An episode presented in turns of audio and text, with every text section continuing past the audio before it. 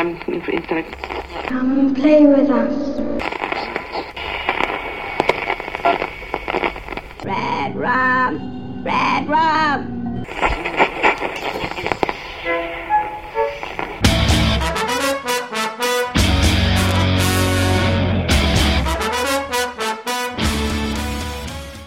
Witam Was, kochani, w 125 odcinku podcastu Radio SK. Dzisiejsza audycja będzie o lśnieniu i będzie to wprowadzenie do nadchodzącego wielkimi krokami wydarzenia miesiąca września, a może nawet wydarzenia roku, jakim jest premiera powieści Dr. Sen, do której pozostały już niecałe dwa tygodnie. Już 24 września, we wtorek, będzie można przejść się do, jak to reklamuje Pruszyński, każdego miejsca, w którym sprzedaje się książki i nabyć swój egzemplarz. Dzisiaj mówię sam, bo jestem przekonany, że połowę tego, co dziś powiem, poruszymy jeszcze mówiąc o doktorze. I mam nadzieję, że uda mi się dziś zamknąć we, w miarę spójnej audycji. Będzie ciężko, bo już na etapie planowania ze trzy razy się zapętliłem i ze dwa razy zaprzeczyłem sam sobie. Taka książka jak Lśnienie to jest cholernie trudny temat do dyskusji, czy do monologu. Do monologu jest jeszcze trudniejszy. I chyba dlatego ja do tej pory w ogóle nie tykałem starych książek Kinga, szczególnie tych, które obrosły legendą i które wywołują tak skrajne reakcje wśród czytelników, a lśnienie jest czołowym przedstawicielem tej grupy. Jak powszechnie wiadomo, mm, nie wiem, czy jest ktoś, kto o tym nie wie, bo media nakręciły to niemiłosiernie. Doktor Sen jest w pewnym sensie sequelem lśnienia. I tradycyjnie, fani oczekując na sequel podzielili się na dwie nieformalne grupy. Tych, którzy postanowili odświeżyć sobie lśnienie i tych, którzy do doktora chcą przystąpić ze świeżym umysłem, dysponując jedynie wspomnieniami i odczuciami z pierwszej lektury. Ja należę do tej pierwszej grupy. Planowałem to zresztą od bardzo dawna, bo jakieś 2-3 lata temu zmierzyłem się z książkowym lśnieniem po raz drugi w życiu, a pierwszy raz w wersji audio, w interpretacji pana Leszka Teleszyńskiego. I w momencie, gdy skończyłem słuchać tę książkę, mm, pojawiły się dwie informacje. Po pierwsze, właśnie wtedy King ogłosił plany na sequel, a po drugie w Polsce ukazał się drugi audiobook, a pierwszy profesjonalny, profesjonalnie wydany, czytany przez pana Rocha Siemianowskiego. I już wtedy zaplanowałem sobie słuchanie tej wersji tuż przed premierą sequela. Ostatecznie, pomimo tak długoterminowych planów, Pruszyński zaskoczył mnie z szybką wysyłką książki i drugą połowę lśnienia słuchałem już na przyspieszonych obrotach, trzymając w dłoni doktora czekającego na swoją kolej, ale zapewniam, że taka forma nie wpłynęła na mój odbiór książki, bo akurat jej drugą połowę lubię i oceniam bardzo pozytywnie. Ogólnie wygląda to tak, że książka Lśnienie wywołuje strasznie skrajne emocje czytelników. Trochę spowodowane jest to tym, że ten tytuł wyszedł dość mocno poza fandom Stephena Kinga. Zwykły Kowalski może nie wiedzieć o Stephenie Kingu, ale na pewno słyszał o lśnieniu.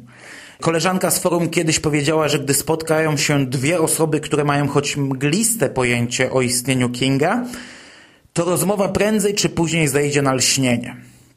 A jeśli będą już dwie osoby, to jest duże prawdopodobieństwo, że będziemy mieli dwa różne zdania, dwie różne opinie i to nie będzie na zasadzie ok, to jest moje zdanie, a to jest twoje, ty szanujesz moje, a ja szanuję twoje, a najpewniej rozwinie się to w ostrą potyczkę słowną, która o ile nie zacznie się od ekranizacji, to bardzo szybko się na nich skończy. I wtedy to już ręka, noga, mózg na ścianie. Niestety to po części filmy, a dokładniej film, ekranizacja Stanleya Kubricka, odpowiada za taki kult lśnienia. Moje zdanie na temat samego filmu jest w tym wypadku nieistotne. Kiedyś wypowiadałem się o nim bardzo negatywnie. Napisałem taki artykulik porównawczy na SKPL, z którym niestety w większości się teraz nie zgadzam i który tak naprawdę powinienem usunąć z internetu. Nadal prywatnie wolę wersję telewizyjną, z tym, że moje argumenty, które wytaczałem przeciwko filmowi Kubricka, były bez sensu. Ja nie przepadam za tym filmem z wielu różnych powodów, ale absolutnie nie można o nim powiedzieć, że jest to zła ekranizacja książki. I choć oczywiście moje zdanie na temat każdego z tych filmów jest w tym momencie całkowicie nieistotne, to i tak nawet w przypadku omawiania książki ciężko jest nie odpływać co jakiś czas w tym kierunku. Sam film wpłynął bowiem bardzo mocno na odbiór książki. To jest bardzo wczesna ekranizacja Kinga, zrobiona w czasach, gdy King nie miał jeszcze zbyt wiele do powiedzenia. I nie okłamujmy się, to film Kubricka rozsławił lśnienie i mało jest na świecie czytelników, którzy najpierw czytali książkę, a dopiero potem obejrzeli film. A sam film tak mocno zakorzenił się w popkulturze i tak mocno zapisał się już w historii kina i gatunku, że niestety nastąpiło tu odwrócenie ról i to książkę ocenia się bardzo często przez pryzmat jej ekranizacji. Do tego filmowe lśnienie stanowi świętość. Świętość, której krytyka jest raczej źle odbierana. To już urosło do rangi aksjomatu. Lśnienie równa się arcydzieło. Koniec. Kropka. Nie szukając daleko. Ktoś ostatnio na fejsie napisał w komentarzach, e, jak można nie lubić lśnienia. Przecież to horror wszechczasów. I, I, ja tutaj, tutaj konkretnie w tym przypadku przytaczam no, konkretną sytuację, ale takie komentarze słyszy się prawie za każdym razem podczas rozmowy o lśnieniu. I tak ja się zgadzam, że lśnienie Kubricka jest horrorem wszechczasów. Takie są fakty. I tutaj nawet nie ma o czym dyskutować. Nie ma się czym zgadzać czy nie zgadzać. Tak po prostu jest. Inna sprawa, że horror wszechczasów niekoniecznie trzeba lubić. Podobnie jak książki, komiksy czy ogólnie różne filmy wszechczasów. A nawet jeśli lubiłbym film, to niekoniecznie muszę lubić książkę. Bo w tym przypadku, umówmy się, nie jest to aż tak dobra książka, by otaczać ją aż takim kultem. Według mnie to jest oczywiście książka dobra. King nie pisze złych, ale nie jest to coś, co jakoś specjalnie wybijałoby się ponad inne tytuły i to jest moje zdanie, z którym oczywiście nie trzeba się zgadzać. A do tego ta książka zawiera masę motywów, y, za którymi ja osobiście nie przepadam, o czym może uda mi się trochę więcej powiedzieć za chwilę. Za kult lśnienia odpowiada głównie film. Film, który w gronie kingowych fanatyków nigdy nie cieszył się jakąś przesadną sympatią i między innymi to też dlatego właśnie na kingowych forach najczęściej padają negatywne opinie o samej książce. Bo tutaj nie ma kultu wyznawców tego tytułu, a jest ogólnie kult wyznawców całego dorobku pisarskiego Kinga. Zresztą tutaj pewnie można by przeprowadzić całą analizę na cały odcinek albo na serię podcastów. E, ludzie skażeni filmem czytają książkę i mówią, szału nie ma. Ludzie nie lubiący filmu chociaż takich nie ma. Lśnienie się albo kocha, albo nienawidzi. Czyli ludzie nienawidzący Kubricka podchodzą z kolei do książki bez jakiegoś obciążenia, bez tego całego, no, nadużywam dziś tego słowa, kultu i wtedy takie osoby doskonale widzą, że jest to książka dobra, ale bez przesady. King napisał bardzo dużo książek lepszych. Oczywiście, okej, okay, ja wiem, że po drugiej stronie barykady stoi jeszcze trzecia grupa i jest to cały legion wyznawców tej książki, gotów w każdej chwili zlinczować mnie za herezję, które publicznie wypowiadam. Ale to wszystko pokazuje tylko, z jaką skalą emocji mamy do czynienia podczas omawiania tej książki i jak ciężko w ogóle zabrać się za jej recenzję. Pewnie powtórzę to podczas omawiania doktora Sen, ale tutaj też warto zwrócić uwagę na ten fakt. Nie wiem, ilu z Was pamięta okres, w którym King wydał Czarny Dom. Wtedy przeszło to zupełnie bez echa. Nikt nie pieklił się, nikt nie krzyczał, nikt nie emocjonował się faktem, że King wraca po latach do bohaterów znanych z talizmanu. Nikogo to nie obchodziło. A porównajmy tę sytuację z obecną. Wszyscy krzyczą po co? Po co wracać do czegoś, co jest spójną, zamkniętą całością? Po co odgrzewać kotlet? I to nie tylko fani tak krzyczą, a nawet nie tylko czytelnicy. Wszyscy. W każdych mediach internetowych obracających się w koło popkultury pojawił się choć jeden artykuł o tym, że Stephen King pisze Lśnienie 2. Połowa pieklących się ludzi i połowa piszących te artykuły pewnie nigdy nie czytała nawet książki. Pozwolę sobie założyć, że Pewna część tej grupy nie widziała nawet filmu, ale sam tytuł Lśnienie jest już tak zakorzeniony w kulturze, że każdy wie o co chodzi. I powrót po latach, odgrzewanie kotleta, odgrzewanie takiego kotleta jest już na starcie pomysłem negowanym przez ogół. A fakt, że King robi to od lat, e, od zawsze wraca do starych bohaterów i nawet robił to już kilka razy na taką skalę jak teraz, bo zwyczajnie w taki sposób pisze swoje książki i w taki sposób od zawsze buduje swoje uniwersum. Nie ma tutaj żadnego znaczenia. Lśnienie to jest świętość i tyle. My tymczasem po cichutku przejdźmy do samej powieści.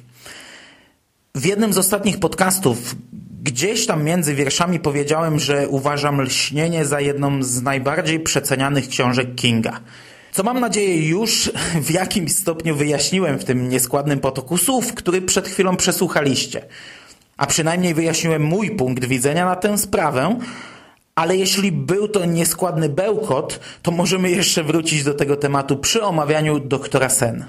W komentarzach na fejsie w ostatnim okresie mogłem zasugerować, że męczę się trochę podczas ponownej lektury lśnienia i nie oceniam tej książki jakoś szalenie pozytywnie. W czym zatem tkwi problem? W tym przypadku niestety głównie w moich prywatnych upodobaniach. I to będzie bardzo subiektywna ocena.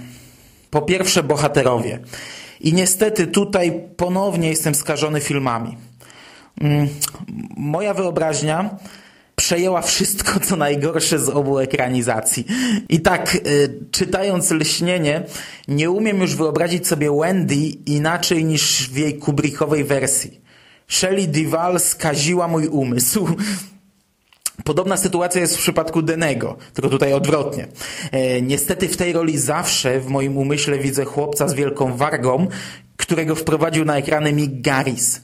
E, to jest oczywiście tylko i wyłącznie mój problem. Ja wiem, że to tylko mój problem i na tej podstawie nie mogę i nie mam zamiaru krytykować książki, ale właśnie, ale jednocześnie nie da się ukryć, że King napisał powieść wypełnioną samymi bohaterami wywołującymi same negatywne odczucia. Nie jestem w stanie kibicować żadnemu z bohaterów lśnienia, bo żaden nie rozpala u mnie choć iskierki sympatii. I co zabawne, dopiero teraz zdałem sobie sprawę, że to Kubrick, a nie Garris, zrobił dobrą ekranizację książki. Przeciwnicy filmu Kubricka zarzucają mu głównie e, nie to, e, że te czy inne wydarzenia poprowadził na swój sposób, ale to, że wypaczył charakterystykę głównej postaci, że nie przedstawił przemiany. Kubrickowy Jack od początku do końca jest szalony. Od początku do końca jest postacią nieprzyjemną i od pierwszej sceny nie sposób go lubić. Ale cholera jasna, to samo jest z książkowym bohaterem. Ja sam krytykowałem za to Kubricka niezliczoną ilość razy i nadal uważam, że to jest bardzo zła kreacja bohatera. Ale problem nie tkwi tutaj w złym przełożeniu książki na taśmę filmową. King nie opisał żadnej przemiany bohatera. I tak naprawdę na tym polu najlepiej zrobił to Garris. A w zasadzie też King, ale w wersji dla Garrisa, e, bo to King pisał scenariusz pod miniserial. Mm, książkowy Jack Torrance jest podobnie jak jego Kubrickowa wersja człowiekiem złym od początku do końca. Hotel oczywiście rozbudza w nim te negatywne cechy, ale one tkwią w Jacku od pierwszej strony, od początku książki. A że książka głównie opiera się na przemyśleniach bohaterów, to one wcale nie są jakoś głęboko ukryte dla czytelnika. Hotel rozbudza szaleństwo, ale absolutnie nie mamy tutaj żadnej wielkiej przemiany z kochającego ojca i męża w wariata i mordercę. Jack od pierwszej strony jest postacią budzącą same negatywne uczucia. Dodatkowo książkowy Jack pozostaje zły do ostatniej strony. Dokładnie tak jak u Kubricka, a zupełnie inaczej niż w przypadku moim zdaniem znacznie ciekawszego rozwiązania z Gerisa. Książce Kinga, gdy hotel przejmuje kontrolę nad Jackiem, to kontroluje go do ostatniej strony. Nie ma żadnego wielkiego nawrotu miłości i normalności. E, ostatniego przebłysku, w przypływie którego Jack, niczym Darth Vader, przechodzi na koniec na jasną stronę. Nie ma żadnej przemiany na początku i nie ma żadnej przemiany na koniec. Historia Jacka jest prosta, jak to tylko możliwe. Okej, okay, ale nie sam Jack jest w książce. Wendy. Wendy natomiast w ogóle nie budzi mojego współczucia, e, bo jest to przedstawicielka kobiet, którym współczuć nie potrafię, które nie potrafią odejść, nie potrafią się postawić I jakkolwiek źle by to nie zabrzmiało w moich ustach, na własne życzenie gotują sobie taki los. Autor oczywiście próbuje przedstawić ją w taki sposób, by pokazać, że to cały ciąg wielu wydarzeń doprowadził ją do takiego momentu, w którym nie może już odwrócić się, zrezygnować i pójść w swoją stronę. I to jest bardzo dobrze rozpisana postać. A takich kobiet wskażemy pewnie nawet kilka w naszym najbliższym otoczeniu. Także jest to bardzo wiarygodna postać. Ale co z tego, skoro u mnie budzi to tylko negatywne reakcje? Nie jestem w stanie sympatyzować z postacią, która sama przymyka oko na rozwój wydarzeń, która nie potrafi tupnąć nogą, postawić ultimatum, czy zwyczajnie odwrócić się napięcie i wziąć swój los w swoje ręce. Powiedzmy sobie jasno, Wendy Torrance to nie jest Dolores Claiborne czy Rosie Daniels, bita i terroryzowana kobieta. Nie, to jest po prostu okrutnie szara postać, okrutnie szara mysz, która godzi się na pijaństwo męża, która godzi się na rozstawianie jej po kątach, godzi się na kłótnie i bicie dziecka, która ma do wyboru pomiatanie przez męża lub pomiatanie przez matkę i to jest jedyna alternatywa, jaką ona dostrzega, bo zwyczajnie dalej nie sięga jej wyobraźnia. I co najgorsze, ona godzi się z tym, godzi się na taki los. Nie jestem w stanie polubić takiej bohaterki i współczuć jej, choć wiem, że moja postawa może się nie podobać. I wiem, że jest to doskonale rozpisana postać. A na początku uprzedzałem, że moja ocena będzie bardzo subiektywna. Mógłbym pewnie sympatyzować z Denym, ale tego też nie potrafiłem zrobić. No, powiedzmy sobie szczerze, Denny w tej książce jest pionkiem. Pionkiem w rękach matki, ojca i hotelu. I dla mnie osobiście y, ten bohater nie wyszedł poza rolę pionka. Dodatkowo drażniły mnie przemyślenia bohaterów. Teoretycznie jest to coś, co King robi doskonale. Tutaj widać bardzo mocno, że książkę pisał początkujący pisarz i pijak. Pijak zły na całe otoczenie i jego złość przelała się na kartki książki, a następnie z tej książki wlała się w głowy czytelników. Ta powieść jest przesiąknięta jadem. Nawet gdy zagłębiamy się w historię bohaterów, gdy śledzimy jakieś retrospekcje i wspomnienia, to odkopujemy też same złe fakty z ich życia. Ojciec bił Jacka, Jack bije syna, matka pomiatała Wendy. Wszystko jest złe, wszystko jest denerwujące. Nawet sąsiedzi, wątek poboczny, sąsiedzi Wendy i Jacka, kompletnie niepotrzebny wątek. Sąsiedzi przedstawieni tylko w przemyśleniach bohaterki, w przemyśleniach Wendy, są e, także postaciami negatywnymi. Są postaciami, które kłócą się ze sobą i tylko krzyczą na siebie. Ja czytałem tę książkę trzy razy i trzy razy wpłynęła na mnie tak samo. Byłem rozdrażniony, udzielały mi się negatywne emocje i negatywne postawy bohaterów. Oczywiście, no, nie złamałem nikomu ręki, nie pobiłem ucznia, nie pobiłem dziecka ani żony, ale w trakcie lektury byłem znacznie bardziej nerwowy, czując podobną złość, podobne rozdrażnienie, a nawet czując smak żółtej aspiryny, choć nie mam pojęcia, jak smakuje żółta aspiryna. To oczywiście można traktować jako wielki plus tej książki, bo tak naprawdę sztuką jest napisać powieść, która jest tak bardzo sugestywna, która wywołuje takie reakcje i sztuką jest tak wykreować bohaterów, żeby czytelnik przejmował ich reakcje. E, ale jednocześnie, no, ja mogę się zgodzić, że to jest sztuka, ale nie muszę tego lubić. Znacznie bardziej lubię współczesnego Kinga, który gra na melodramatycznych strunach, niż tego zadziornego alkoholika z lat 70., który w tym przypadku, podobnie jak Kubrick, zagrał tylko na negatywnych emocjach. I niestety w moim przypadku to są odczucia, które całkowicie dominują, które zdominowały tę książkę i dominują u mnie podczas lektury.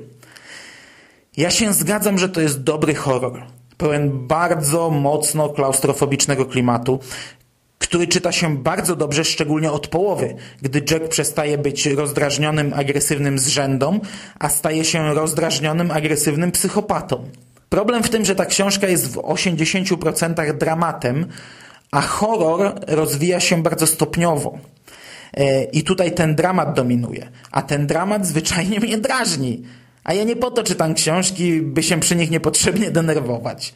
I myślę, że to nam na dziś wystarczy jako wstęp do dłuższej dyskusji o doktorze śnie, która pewnie w dużej mierze będzie się także kręcić w koło lśnienia. Tak książki, jak i filmów. Mam nadzieję, że gdy już przeprowadzimy tę dyskusję, to nie będę się w niej zbyt wiele powtarzał. Ja nie jestem fanem lśnienia, ani w wersji książkowej, ani filmowej. Nie umniejszam filmowi jego wielkości, po prostu umiarkowanie go lubię. Książka natomiast jest moim zdaniem zwyczajnie przeceniana i przereklamowana. I takie jest moje zdanie. Dziękuję za uwagę. Do usłyszenia raczej niebawem. Cześć.